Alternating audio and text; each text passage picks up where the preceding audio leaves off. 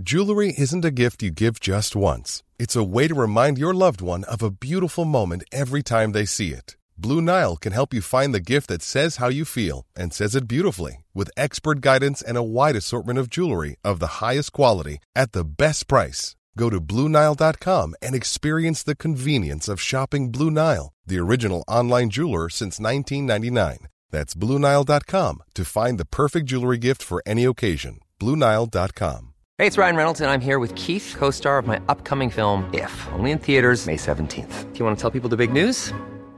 All right, I'll do it. Sign up now and you'll get unlimited for $15 a month in six months of Paramount Plus Essential Plan on us. Mintmobile.com slash switch. Upfront payment of $45 equivalent to $15 per month. Unlimited over 40 gigabytes per month. Face lower speeds. Videos at 480p. Active Mint customers by 531.24 get six months of Paramount Plus Essential Plan. Auto renews after six months. Offer ends May 31st, 2024. Separate Paramount Plus registration required. Terms and conditions apply if rated PG. Velkommen til vårt digitale studio, selveste Stein Ørn. Takk.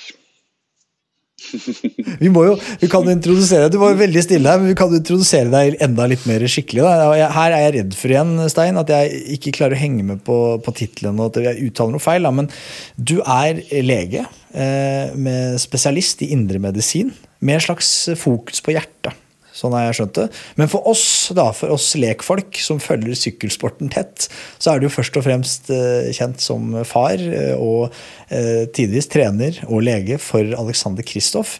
Og at du, sånn jeg har forstått det, har vært ganske sentral i Alex, Alex, i Alex ferd på, på vei mot toppen, og nå som han er da, på toppen av sykkelfjellet. Og det er jo litt det vi vil prate om i dag. Men først denne legetittelen. Sa jeg noe feil her? Nei, det, Jeg er spesialist i indremedisin og hjertesykdommer, da, så jeg holder på med det. Du, det måtte leve av, da. Jeg skjønner. Men, men eh, har, har dette vært liksom, dette med fokuset på, på hjertet og sånn, er det, er det en sammenheng eh, med interessen du har for sykkel og sport og med trening? At liksom, det har vært en link der? Eller hva kom først? Var, var det liksom spesialist i indremedisin og hjerte og, og forskning på det? Eller var det dette interessen for sykkel og trening og, og hjerte i, i, i treningsverden, liksom? Jeg har hatt hjerte for sykkel hele tiden, da, hvis jeg skal være sånn. Der Eh, ja, det, um, på mange måter kan man si at jeg ble født inn i sykkelsporten. da. Min, min mor var jo uh, var lege og traff min far mens han var uh, sykkelrytter i, på landslaget i, i uh, Tyskland. Og så endte jeg da opp Og så fikk de meg og min søster. og så drev ikke jeg og sykla en stund. Det tok noen år, og så begynte jeg å sykle sånn i 15-16 års alderen. Og etterpå det så har det vært sykkel resten av livet. Eh, og så traff jeg jo Alexander og, og Anne, da. Eh, og så etterpå det så har jo det blitt en, eh, en sportslig suksess, i hvert fall. da. Absolutt. Men, men tilbake til den, den starten der. Med, du treffer Alex og Anne. Så, og så, eh, på det tidspunktet, dreiv Alex med sykkel, eller var det du som brakte sykkel inn i Alex' liv? Nei, eh, vi studerte jo sammen, Anne og meg, eh, medisin i Oslo. Og så da hadde jo hun en sønn, og det var sånn jeg traff Alexander. Eh, og intensjonen var jo på ingen måte å, å drive med toppidrett sånn sykkel, men det å, å gi han en, en god utvikling som barn med generell fysiske og, og, og andre skoleringer da, som, som ville gi han en, en gevinst på, for, for resten av livet. Og det var ikke noen intensjon om en, å skape en toppidrettsutøver. Det var det ikke. Nei. Men, men det har dere jo nektelig gjort. Ja, ta oss litt gjennom dette her. Du, du, så, okay, så Alex jeg antar han var enda yngre. Han var såpass ung at han hadde kanskje ikke begynt å, han kanskje begynt å gå, men så, i hvert fall ikke begynt å sykle eh, da du kom inn i livet. Men så, så blir han, viser han interesse for sykkel. Det antar jeg du syns er gøy, som er glad i sykkel. Og så begynner man liksom å eh, Hvor tidlig begynte du liksom å, å liksom følge opp treningen litt sånn eh, semiprofesjonelt? Mm. Nei, altså det var en forhistorie til dette. her da, eh, og det var at eh, Jeg studerte jo medisin i Oslo, eh, og jeg sykla jo selv.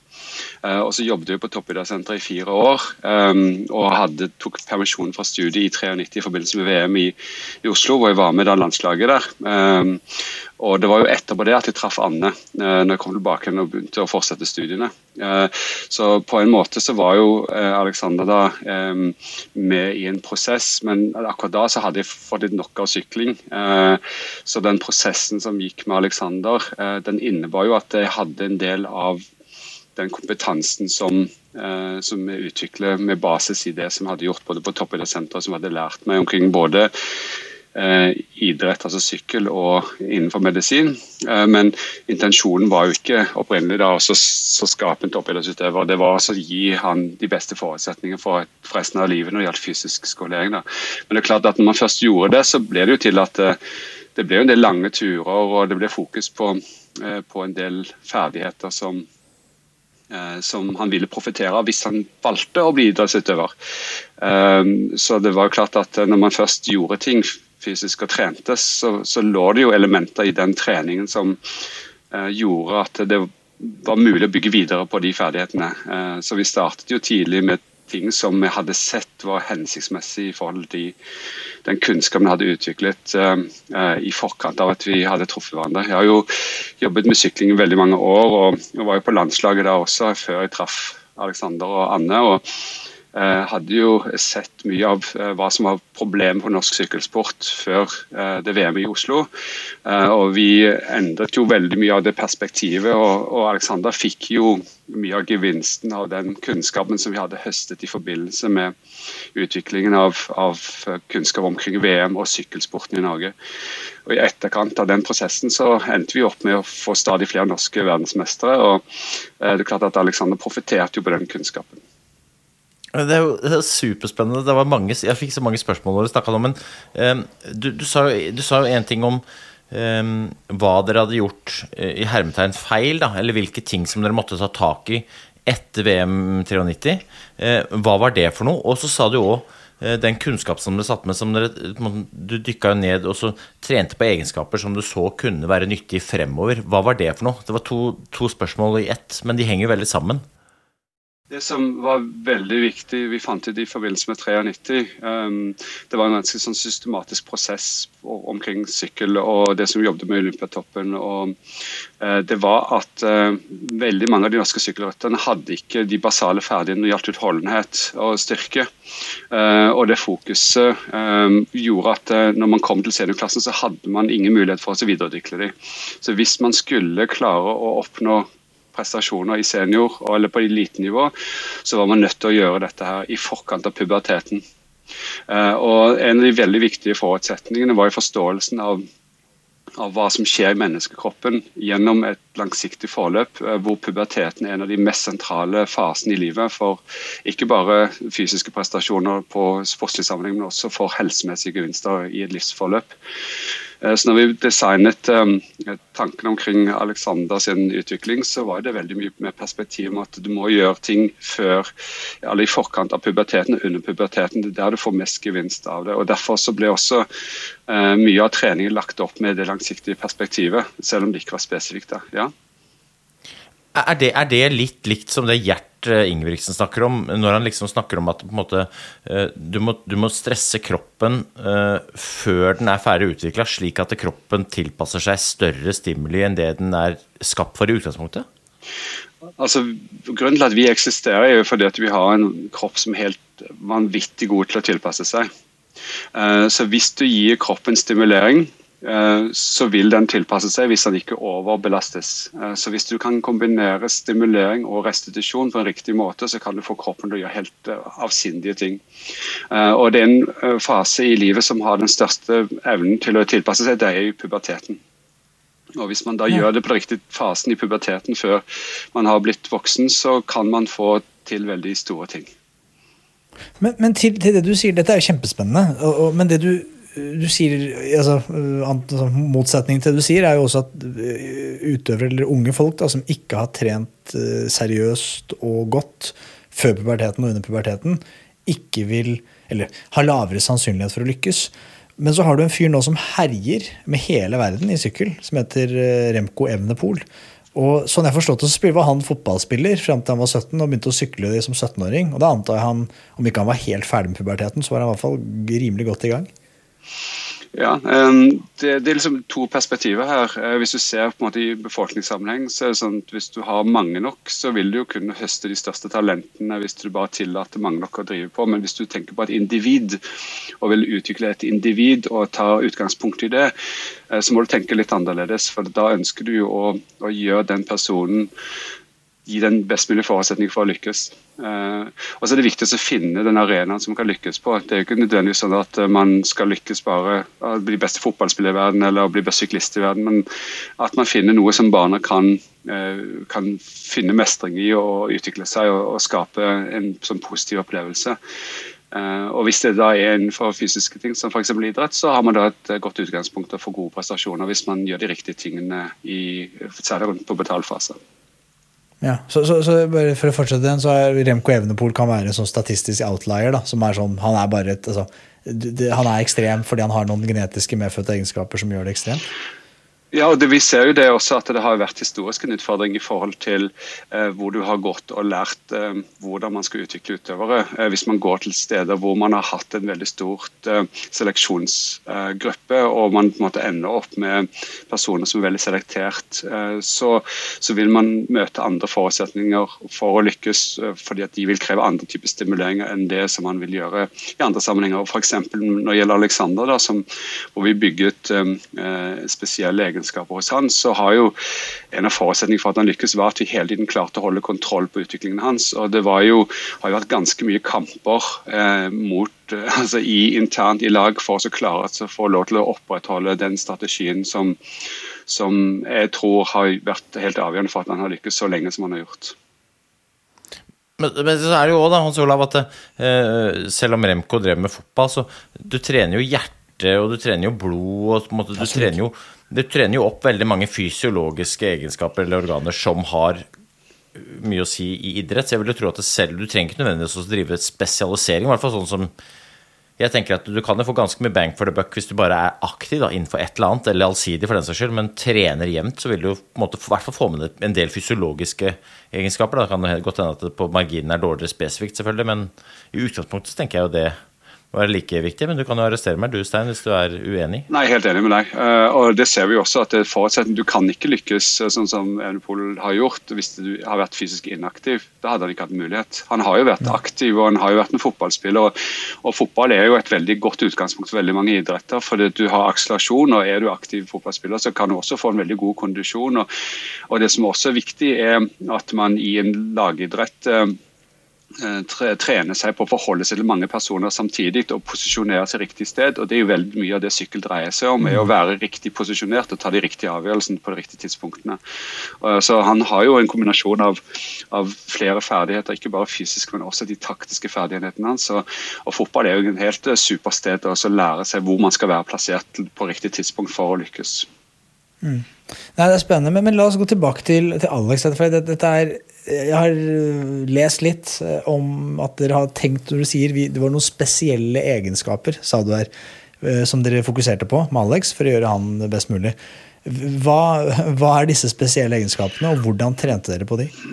Ja, eh, Alexander har jo siden han var liten vært veldig utholdende og samtidig eksplosiv. Og så har han hatt et enormt sånn vinnerinstinkt og hatt stor glede av å, å vinne. Og, og, det har gitt han en stor motivasjon. og så er han en eh, veldig han er veldig flink til å jobbe. Uh, han trener, Selv om han ikke syns det er så kjekt, så har han gjennomført treninger som har vært helt uh, ekstreme.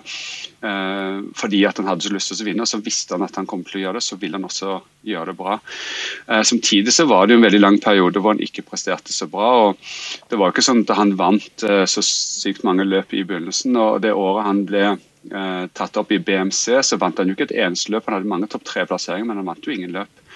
Eh, så, og Faktum er det at han faktisk har vunnet flere store løp på slutten av karrieren enn han vant i begynnelsen av karrieren.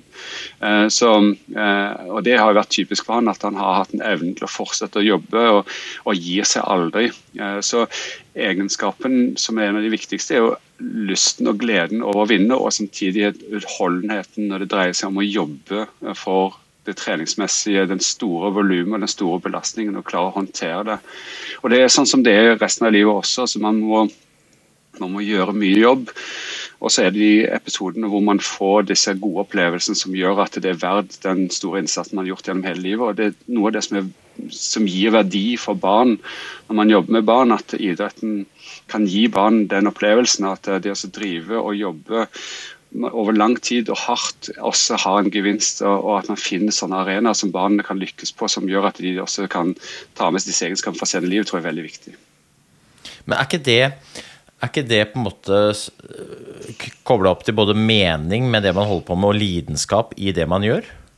Jo, helt enig. Og, og, og hvordan, er man, hvordan, er man, på en måte Dette er et spørsmål jeg får, har fått mange ganger selv da, som idrettsutøver. Liksom, den der lidenskapen, hvor har jeg fått den? Og så prøver jeg liksom å svare på det, så jeg lurer på om jeg har, jeg har utvikla den gjennom at jeg har følt mening med den treninga jeg har lagt ned. Selv om du kan se på det som meningsløst, så tillegger jeg det mening. Og så utvikler jeg lidenskap gjennom at jeg gjør mye med mening. Skikkelig. Mm. Men, men har, du noen, har, du noen, har, du noen, bedre måte å formidle det budskapet på, sånn at folk skjønner hva jeg prøver å formidle? Um, jeg jeg, jeg, jeg, jeg syns at uh, og jeg tror, jeg, tror, folk faktisk er forskjellige. Um, og jeg tror at Hvis du mangler den egenskapen der, så er det vanskelig å, å lykkes på den arenaen som er tilnærmet det man ser i idrettslige sammenhenger. Uh, da kan man lykkes på andre områder, men skal man lykkes i idrettslig sammenheng, så må man ha de egenskapene som du uh, skisserer der. Uh, det å ha evnen til å kunne jobbe langsiktig over tid fordi at man dyrker den opplevelsen og vet at man kommer til det punktet hvor man får noe igjen for det. Og, og den lidenskapen den er helt avgjørende for å lykkes. Mm. Det, hvis man kan gå litt spesifikt til verk, så det, det, finnes jo hardt å kalle det en antagonist, men det finnes iallfall en, en fyr som har fulgt eh, Alex eh, ganske jevnt og trutt på deres vei opp og fram i norsk sykkel og internasjonal sykkel. Og han heter Edvald Baasen Hagen. Og mitt inntrykk er at Ed, Edvald og Alex har hatt litt sånn ulike karrierebaner. Eh, der Edvald var en sånn prodigy som ung.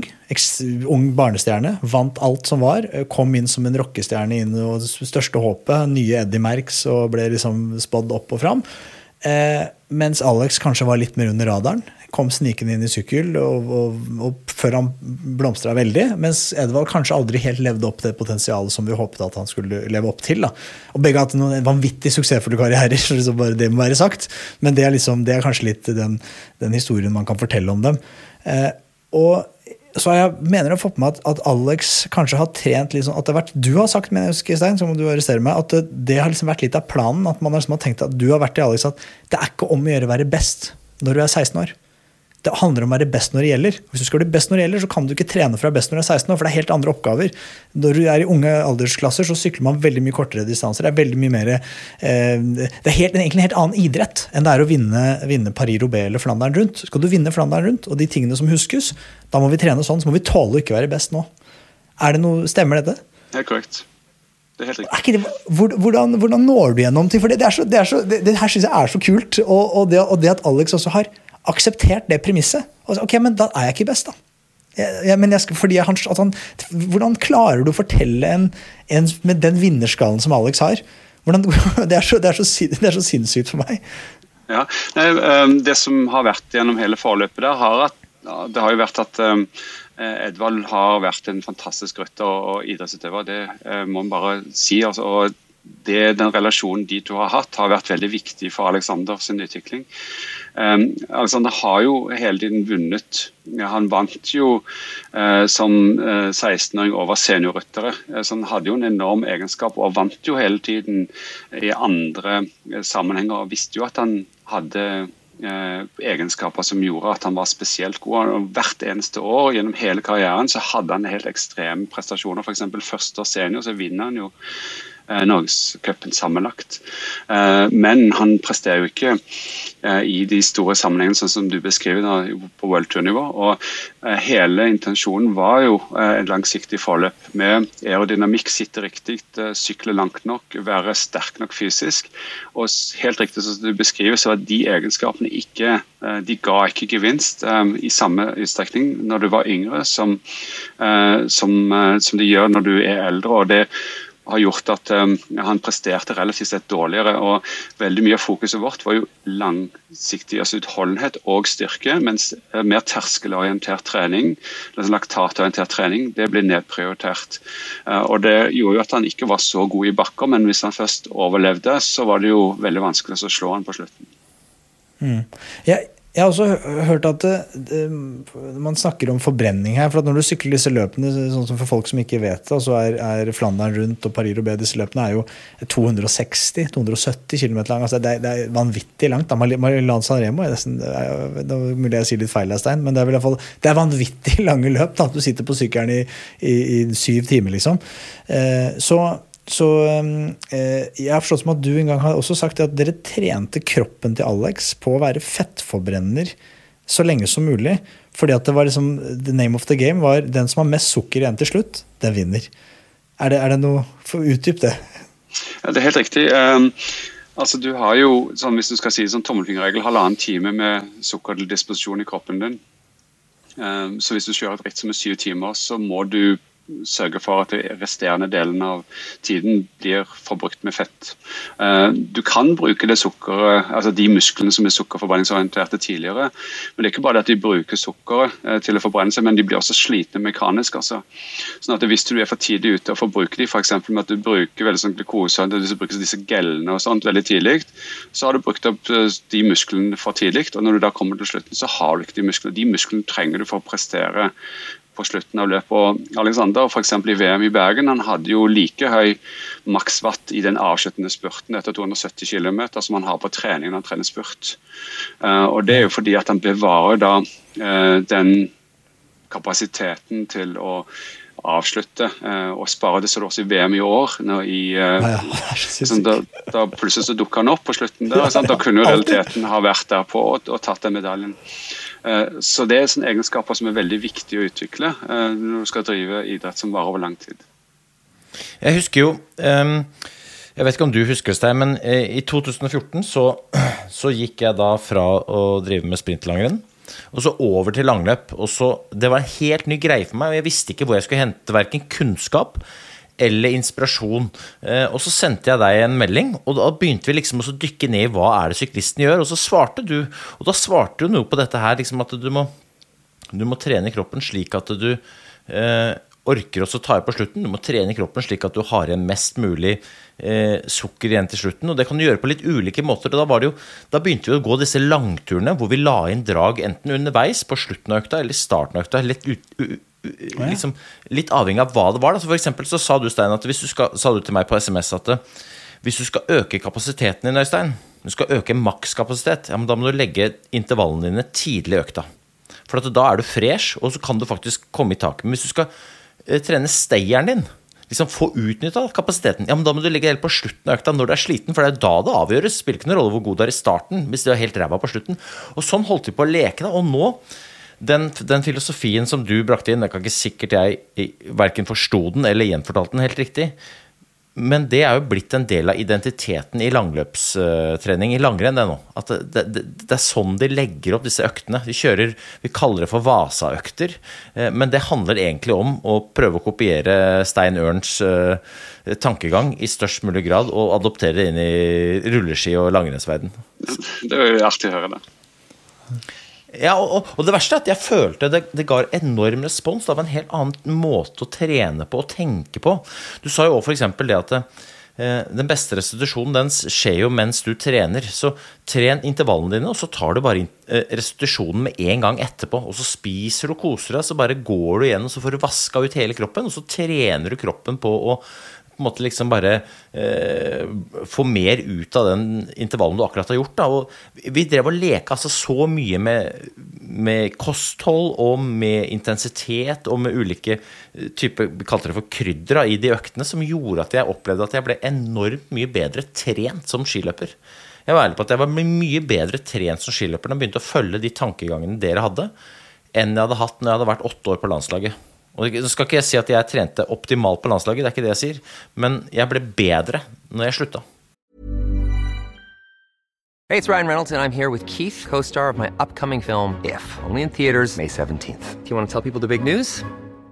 All right, I'll do it. Sign up now and you'll get unlimited for $15 a month in six months of Paramount Plus Essential Plan on us. Mintmobile.com slash switch. Upfront payment of $45 equivalent to $15 per month. Unlimited over 40 gigabytes per month. Face lower speeds. Videos at 480p. Active Mint customers by 531.24 get six months of Paramount Plus Essential Plan. Auto renews after six months. Offer ends May 31st, 2024. Separate Paramount Plus registration required. Terms and conditions apply if rated PG. Even when we're on a budget, we still deserve nice things. Quince is a place to scoop up stunning high-end goods for 50 to 80% less than similar brands. They have buttery soft cashmere sweaters starting at $50, luxurious Italian leather bags, and so much more. Plus, Quince only works with factories that use safe, ethical, and responsible manufacturing. Get the high-end goods you'll love without the high price tag with Quince. Go to quince.com slash style for free shipping and 365-day returns. Jeg, jeg, jeg, tror at det er en strategi som kan gi veldig stor gevinst også for ved kortere aktivitet. Fordi at du får en evne til å restituere deg, eh, samtidig som du utvikler maksimalkapasiteten din. Um, og Det er restitusjonstiden som begrenser hvor mye du kan trene. Uh, for Hvis ikke du klarer å restituere deg mellom to økter, så, så, har du ingen gevinst av økt nummer to. Uh, og Den strategien som, som, du beskriver der, den er veldig viktig i forhold til å utvikle den restitusjonsferdigheten. fordi da tror kroppen at det å drive med en um, hard belastning, det er jo hardt, og så vil han nødt til å tilpasse seg. og Så fortsetter du da med utholdenhet etterpå, så vil den oppfatter da den litt lave intensiteten som restitusjonstid hvis du, du legger den på riktig nivå. Og så vil den være nødt til å absorbere energi og så fylle opp igjen lagrene mens du er i aktivitet. Uh, og Det gjør også at du gir blodsirkulasjon til mye større del av muskulaturen, fordi du opprettholder um, sirkulasjonen til kapillærene. Når du stanser opp, så vil du stenge blodsirkulasjonen din, og dermed så vil det være mye større distanse mellom kapillærene og de musklene som trenger energi, f.eks. og utvasking og ut, kylling, sånn at du, du, du, får faktisk en bedre restitusjon hvis du får kroppen til å akseptere det. Og Det siste, men også viktigste, et av de viktige poengene, er at uh, i den fasen så utvikler du en hormonell aktivitet som beskytter deg mot det som var et av problemene på 90-tallet, denne hormonelle overtreningen, eh, hvor folk gikk i, eh, i barer fordi at de trente så mye intensivt, og så ødela de sin hormonrespons, og til slutt så hadde de ikke hormoner igjen. Og uten hormoner så klarer du ikke å restituere det, du klarer heller ikke å få fysisk yteevne. Sånn at eh, det er flere aspekter ved den type trening som, som har veldig positive effekter.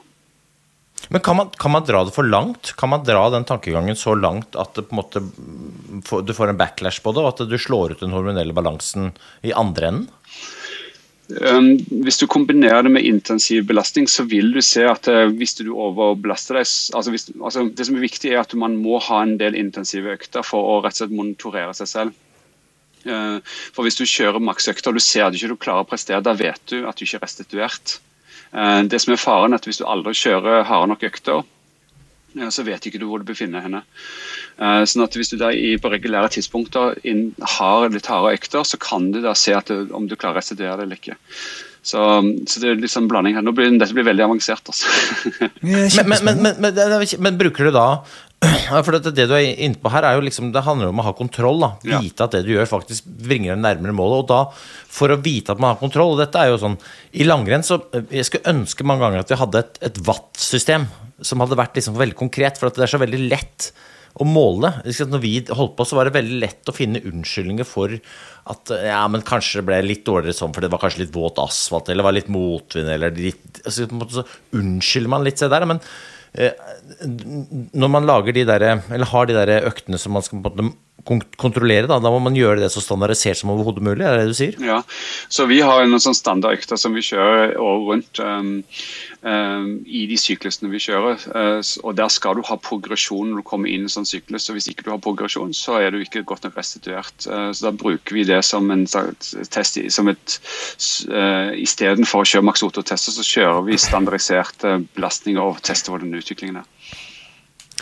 Er det, er det noe Altså For nå snakker vi jo om Alexander Kristoff, vi snakker liksom om ypperste verdenseliten. da. Eh, er det noe av den tankegangen her som eh, en, eh, en vanlig mosjonist kan ta med seg og bruke sitt treningsarbeid, som kan på en måte gi bang for the buck, men også et nytt type treningsstimuli som vil heve prestasjon? Um, ja, eh, det er klart det. Eh, men utfordringen Når det kommer på et mosjonsnivå, så må vi tenke litt i forhold til hormonrespons. altså Hvilken fase er du? Eh, når vi snakker om hormonrespons, snakker vi også får du nok restitusjon. Husk at når du, når du sover, det er da du får testosteronfrigjøring for menn. Eh, så hvis du får for dårlig søvnkvalitet, hvis du er for mye på jobb og du ikke får restituert det på natten f.eks., for eksempel, fordi at du ikke får sove godt nok, så har du ikke mulighet for å få effekt av treningen heller.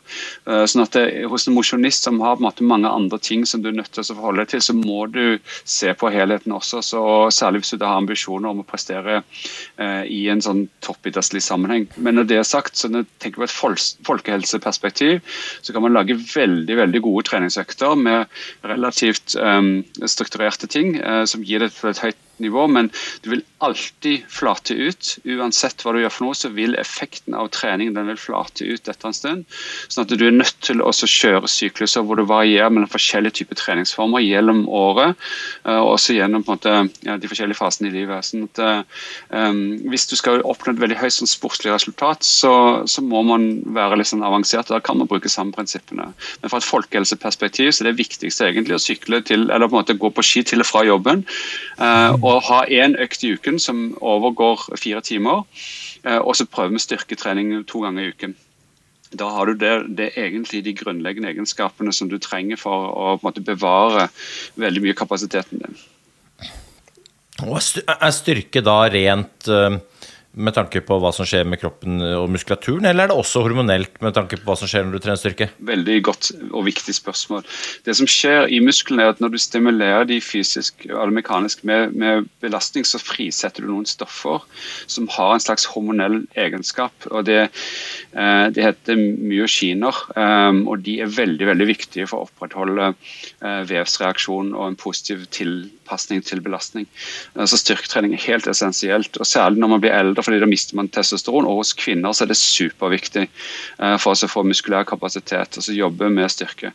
Uh, vi, er vi, er veldig kyniske når det gjelder styrketrening. Um, den type styrketrening som vi driver med, vår, eller som jeg driver med de ruttene jeg har ansvar for, den er den er så annerledes fra vanlig styrketrening at når jeg har sendt disse guttene på skolen, og sånn, så pleier de å få tilbakemelding om at du kan ikke drive knebøy på den måten der, eller du kan ikke drive utfall på den måten der. Så um, jeg vet ikke om jeg skal komme med noen anbefalinger på sånn generelt grunnlag. ja, for, for det er for at det er spesifikk for oppgaven de skal løse. Er det at den ikke er så dyp? Er det det som er knebøyen? For det er sånn langrennsknebøy jeg har også hørt om, som er sånn du, du skal bare trene skøyteskjæret. Så det er sånn der, det ser helt rart ut. Nei, det, du, har helt, helt, rett. Altså, det grunnleggende prinsippet som vi har, er at vi er veldig på at knebøyen skal, være, skal simulere det som er bevegelsesmønster når du sykler. Eh, kne skal, altså Når du sitter på en sykkel, så er kneet veldig altså du, du har veldig eh, spisst kne. ikke sant? Eh, og Det mm. samme gjelder utfallet. Sånn, du har spisse kne, og det er jo mange som er redde for at det skal skape skader hvis du gjør det når du trener styrke. Vi har ikke noe problem med skader der. Sånn vi trener sånn som mange mener at det gir skader, men hvis du bygger det opp systematisk over tid, så er det effektivt, og det gir en veldig god respons. og Jeg tror det er viktig at man trener styrke spesifikt ut ifra den idretten man ønsker å få gevinster. Men disse, her, disse stoffene du frisetter, de er relatert bare til hvor stor muskelaktivitet du, du stimulerer. Så det, sånn Fra et folkehelseperspektiv så, så, gjelder det egentlig å bruke Da kan du godt ta beina og knærne ut, sånn som du gjør når du driver med styrkeløft og sånt. Altså, det går helt fint da, hvis du skal ha den effekten. Generelt så er vel eh, problemet med spisse albuer større enn spisse knær. Sånn en liten digresjon, men det er, det er, bare en observasjon jeg har fra Lillehammer. Men, men, Stein, eh, jeg er nysgjerrig på en ting. Du, fordi eh, Gjert Ingebrigtsen hylles jo veldig nå som en, han har liksom gått på, litt på akkord med det etablerte og kommet med nye tanker og sånn.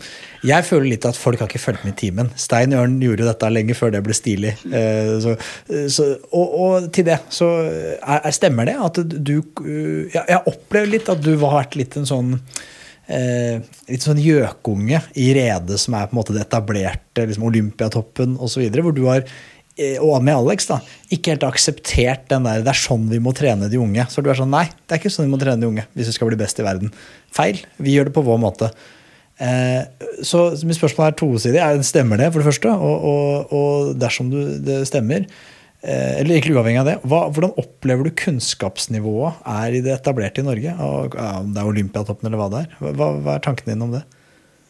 Um, det var veldig mange og veldig gode og viktige spørsmål. Eh, for det første kan jeg bare si at, eh, altså at å, å da jeg på en måte traff han de første gangene og fikk litt innsikt i hva de gjorde, så, er, så var det påfallende hvor likt det de gjør, var det vi har gjort. Eh, men klart at Mine forutsetninger har jo vært med en fysiologisk bakgrunn og en ganske langvarig, mangeårig erfaring og, og, og, på en måte sett på hva som har skjedd med mange utøvere over lang tid. sånn at eh, Jeg har jo trent veldig mange utøvere opp gjennom årene, og veldig mange av de har blitt norgesmestere og også verdensmestere. Og, og mange, så Det er ikke bare Alexander jeg har trent, og også nye generasjoner på gang nå. så Det kan bli veldig spennende å følge. Sånn at det, det, er, det er, en kontinuitet her i, i dette forløpet som, som, har holdt på lenge. Og jeg ser jo det at um, disse fysiologiske prinsippene de fungerer veldig godt og for egentlig alle sammen, men det krever veldig direkte tilstedeværelse. Sånn at det, teori og praksis må kombineres, uh, og det må kombineres gjennom at du er på stedet. Uh, så Jeg pleier veldig ofte å sammenligne dette med at uh, man står i en, i en, labyrint hvor utøveren er i labyrinten og så kjenner alle vinkler og kroker i labyrinten, men mangler det perspektivet til å kunne vite hvor en skal gå. Sånn at du som trener du må ha den kontakten med utøveren som gjør at du forstår utøverens posisjon i labyrinten, men du må være såpass avstand fra utøveren til at du kan fortelle hvor utøveren skal gå. for du da tar utgangspunkt i utøverens sine behov og egenskaper for å vise riktig vei ut av labyrinten. Hvis du beveger deg for langt vekk fra utøveren, så klarer du ikke å kommunisere skikkelig. Da, du, da, vet du ikke helt hva utøveren egentlig har behov eller egenskaper, og du ser ikke hvor han befinner seg. Og, og jeg tror dette også skjer når man ser f.eks. Olympiatoppen og andre, så kan man godt lage en teori, men hvis det, disse teoriene skal fungere, så må du ha relasjon til utøveren for at det skal kunne tilpasses på en sånn måte at utøveren kan profitere på det. Mm. Det er et spennende syn på det. Og så liksom, nå, Jeg skal ikke si at Alex er på hell helt ennå, men han, er kanskje liksom, han begynner å legge de aller råeste åra sine sannsynligvis bak seg. Eh, og så har det vært en endring igjen. Nok en gang. Det skjer jo hele tiden nye paradigmer, og det nye paradigmet det er, eh, består av unge utøvere, utøvere som, altså innenfor sykkelsporten. Da, utøvere som lykkes i veldig ung alder. En så ung alder som man, i hvert fall jeg har hørt at nei, er, syklister de er på sitt beste når de er 30. Og Så kommer Pogacar, så kommer Mathieu van der Poel og så kommer van Ert. Og de er, sykler jo helt annerledes òg! De gjør jo ikke det som de, altså, sånn Alex er jo sliteren. Han har liksom sykla på fett, eh, og plutselig alltid er han der i slutten av rettet og vinner spurten. Men disse gutta, hva er de laget av? Altså, de, de, rykker jo et, mens det er 100 km igjen. De, de sykler de, de er det, forklar, Hjelp meg å forstå.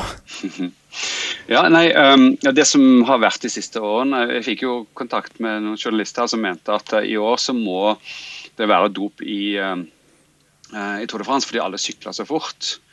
Uh, og så sier jeg at ja, er jo lavere i år enn det har vært før. For de, de, nye syklene de er så sinnssvakt mye raskere. Det er så annerledes utstyr. sånn at eh, Da vi på en måte designet uh, Alexander sin sittestilling, og sånt, så jobbet vi bak en sånn um, en gammel Hundai-aksent fra 1996 for å få riktig posisjon på sykkelen, sånn at han skulle utvikle de musklene som han trengte for å sitte i den aerodynamiske posisjonen. Og Det var med forutsetning for det vi forventet kom til å være hvilken hastighet det er. Nå har hastigheten økt med ytterligere fem altså fem km i timen.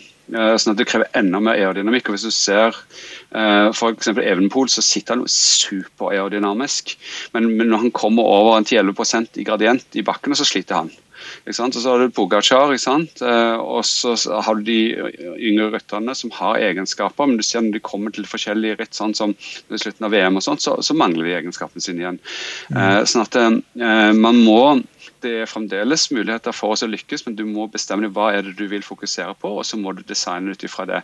Men når, du har skapt en utøver, så har jo den utøveren sine egenskaper. Og har du en, uh, har du en Hyundai, så har du en Hyundai, og har du en Porsche så har Porsche. ikke sant?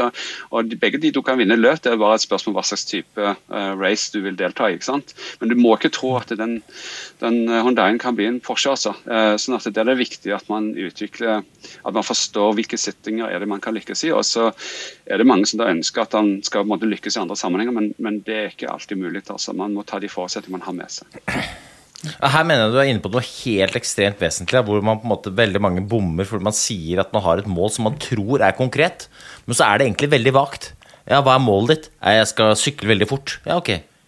Fortell meg hva det er du har tenkt å sykle veldig fort i eller på. fordi det er, det er som å si jeg skal vinne i sommer-OL. Ja, er det løping, eller er det roing? eller er Det ikke det å være helt spesifikt ned på ikke bare idrettsgren, men også øvelse og terreng. og liksom Være spesifikt på hva er det man faktisk søker. da, For jeg tror at profesjonaliseringen i idretten går den veien at eh, man har selvfølgelig supertalenter, men for de aller, aller, aller fleste så må du være helt spesifikk på hva det er du ønsker å få til, og så må du gjøre det som skal til for å få til akkurat det, og ikke alt mulig annet. For da ender man ofte opp som en Øystein Pettersen som blir litt sånn middelhavsfarer. Grei, men ikke best.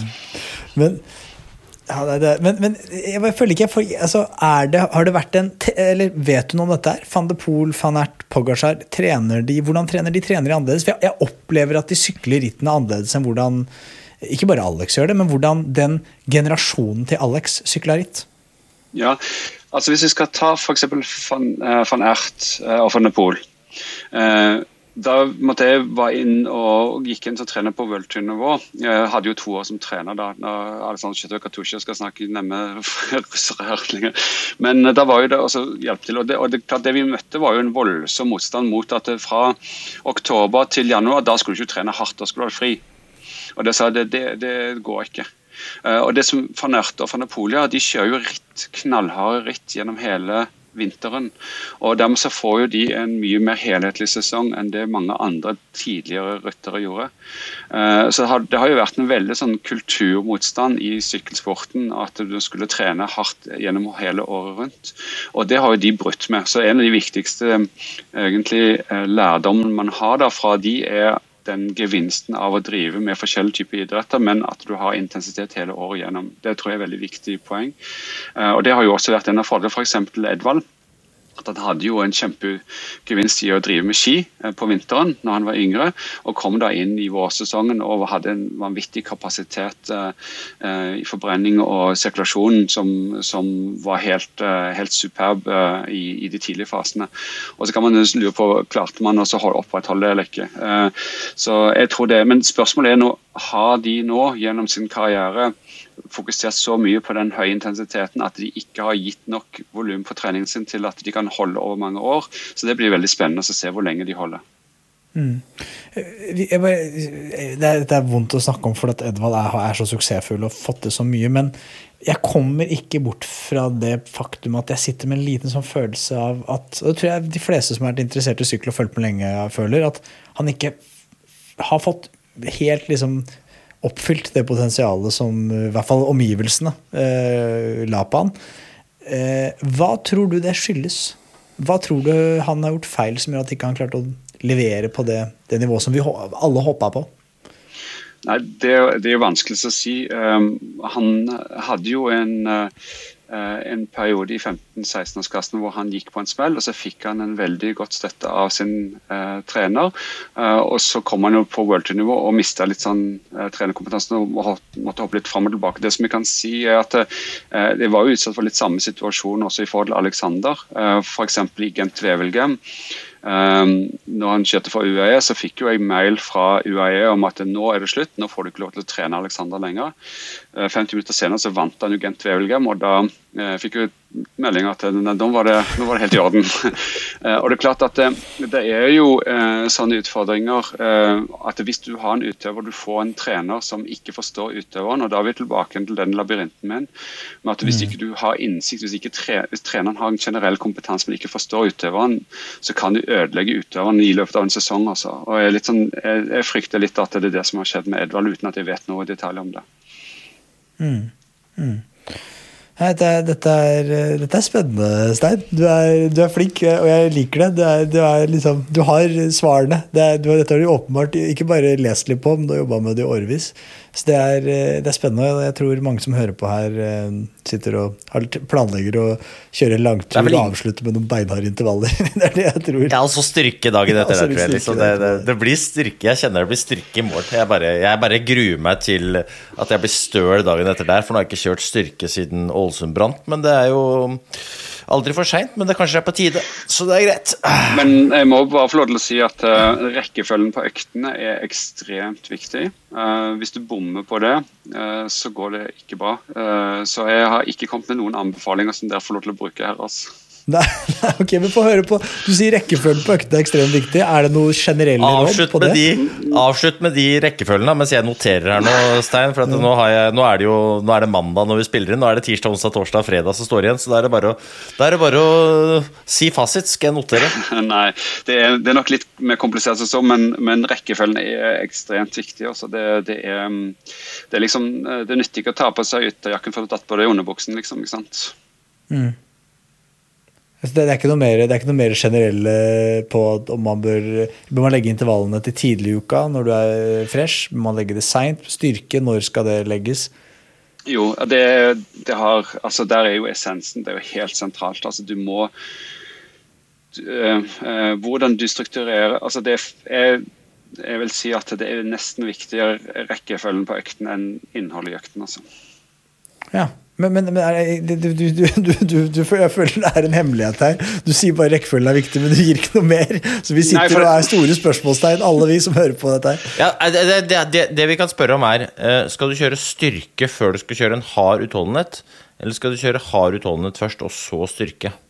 Hvis du ehm, eh, Hva er hensikten med den harde utholdenheten din? Hvis, du, hvis det er hensikten med Det kommer jo an på målet, selvfølgelig. Ja. Altså, hvis, altså hvis du har en økt som har til hensikt å være i området der du skal konkurrere for å utvikle en konkurranseferdighet, altså tenker vi på intensitet, så vil jo den hele konseptet forsvinne hvis du er så sliten når du kjører den økten at ikke du får gjennomført den intensiteten du ønsker. Og Da kan du ikke i forkant av en sånn økt være sliten. Og Da kan du f.eks. ikke plassere en maks styrkeøkt som gjør at når du kommer til neste dag og skal kjøre en høy intensitetsøkt som skal være i nivå med en konkurranseintensitet, da kan ikke du kjøre styrketrening, for da, da får du ikke effekt av den, av den konkurransen av økten. Da må du på en måte gjøre styrkeøkten etterpå. Og så er det spørsmål Hva slags type styrkeøkt skal du da gjøre? da, ikke sant? Um, Ja. Så her er rekkefølgen helt sentral for hva slags egenskaper du ønsker å utvikle. Og, og det her tror jeg også folk kan uh, bite seg litt merke i. Da, for det du sier litt mellom linjene her, er jo at uh, hvis du skal øke den maksimale ferdigheten innenfor en eller annen egenskap, ja, men så må du orke å ta i maksimalt, eller i hvert fall i nærheten av maksimalt, slik at du faktisk utvikler den. For hvis du er så sliten at ikke du kommer opp, ja, men da vil jo heller ikke utvikle maksimalkapasiteten. Og det gjelder jo styrke, eller det gjelder jo hurtighet, eller det gjelder utholdenhet. Det er jo det samme prinsippet i bånn her. Men jeg tror det er jævlig mange som er litt for slitne hele tiden. Bortsett fra jævlig så syns jeg at dette var en utsagn som vi kan måtte, da, la være siste ordet. Det er veldig bra. Da gjør vi det, Jeg Stein. beklager banninga. Jeg er jo født og oppvokst i et område hvor vi rana folk hele tiden, så det er eh, Beklager det. Det er eh, miljøskade. Ja, men he, altså Helvete kan du bruke, for det, det er jo bare et sted sør for Jerusalem. Altså. Så det kan du jo bruke hvis du ønsker det. Det er greit. Ja, ja men jeg skal, jeg skal skjerpe meg. Beklager. Min mor hører ikke på så lange podkaster om trening uansett, så det går greit, men jeg skal skjerpe meg. Det er bra at du arresterer Det er meg. veldig greit. Det var, Det var Ja. Stein, det har vært en glede å ha deg på. Det eneste som er helt bombesikkert, det er at vi har lyst til å ha deg på igjen. Så vi håper vi kan få til det en gang i fremtiden. Og så fram til da, så er det bare å si at vi snakkes. Ha en fin uke.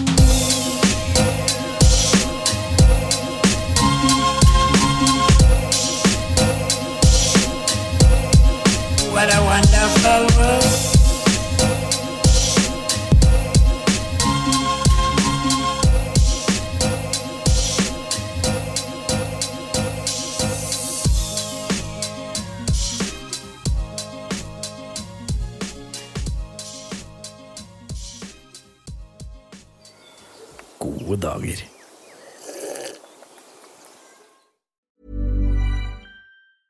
Even when we're on a budget, we still deserve nice things. Quince is a place to scoop up stunning high-end goods for 50 to 80% less than similar brands. They have buttery soft cashmere sweaters starting at $50, luxurious Italian leather bags, and so much more.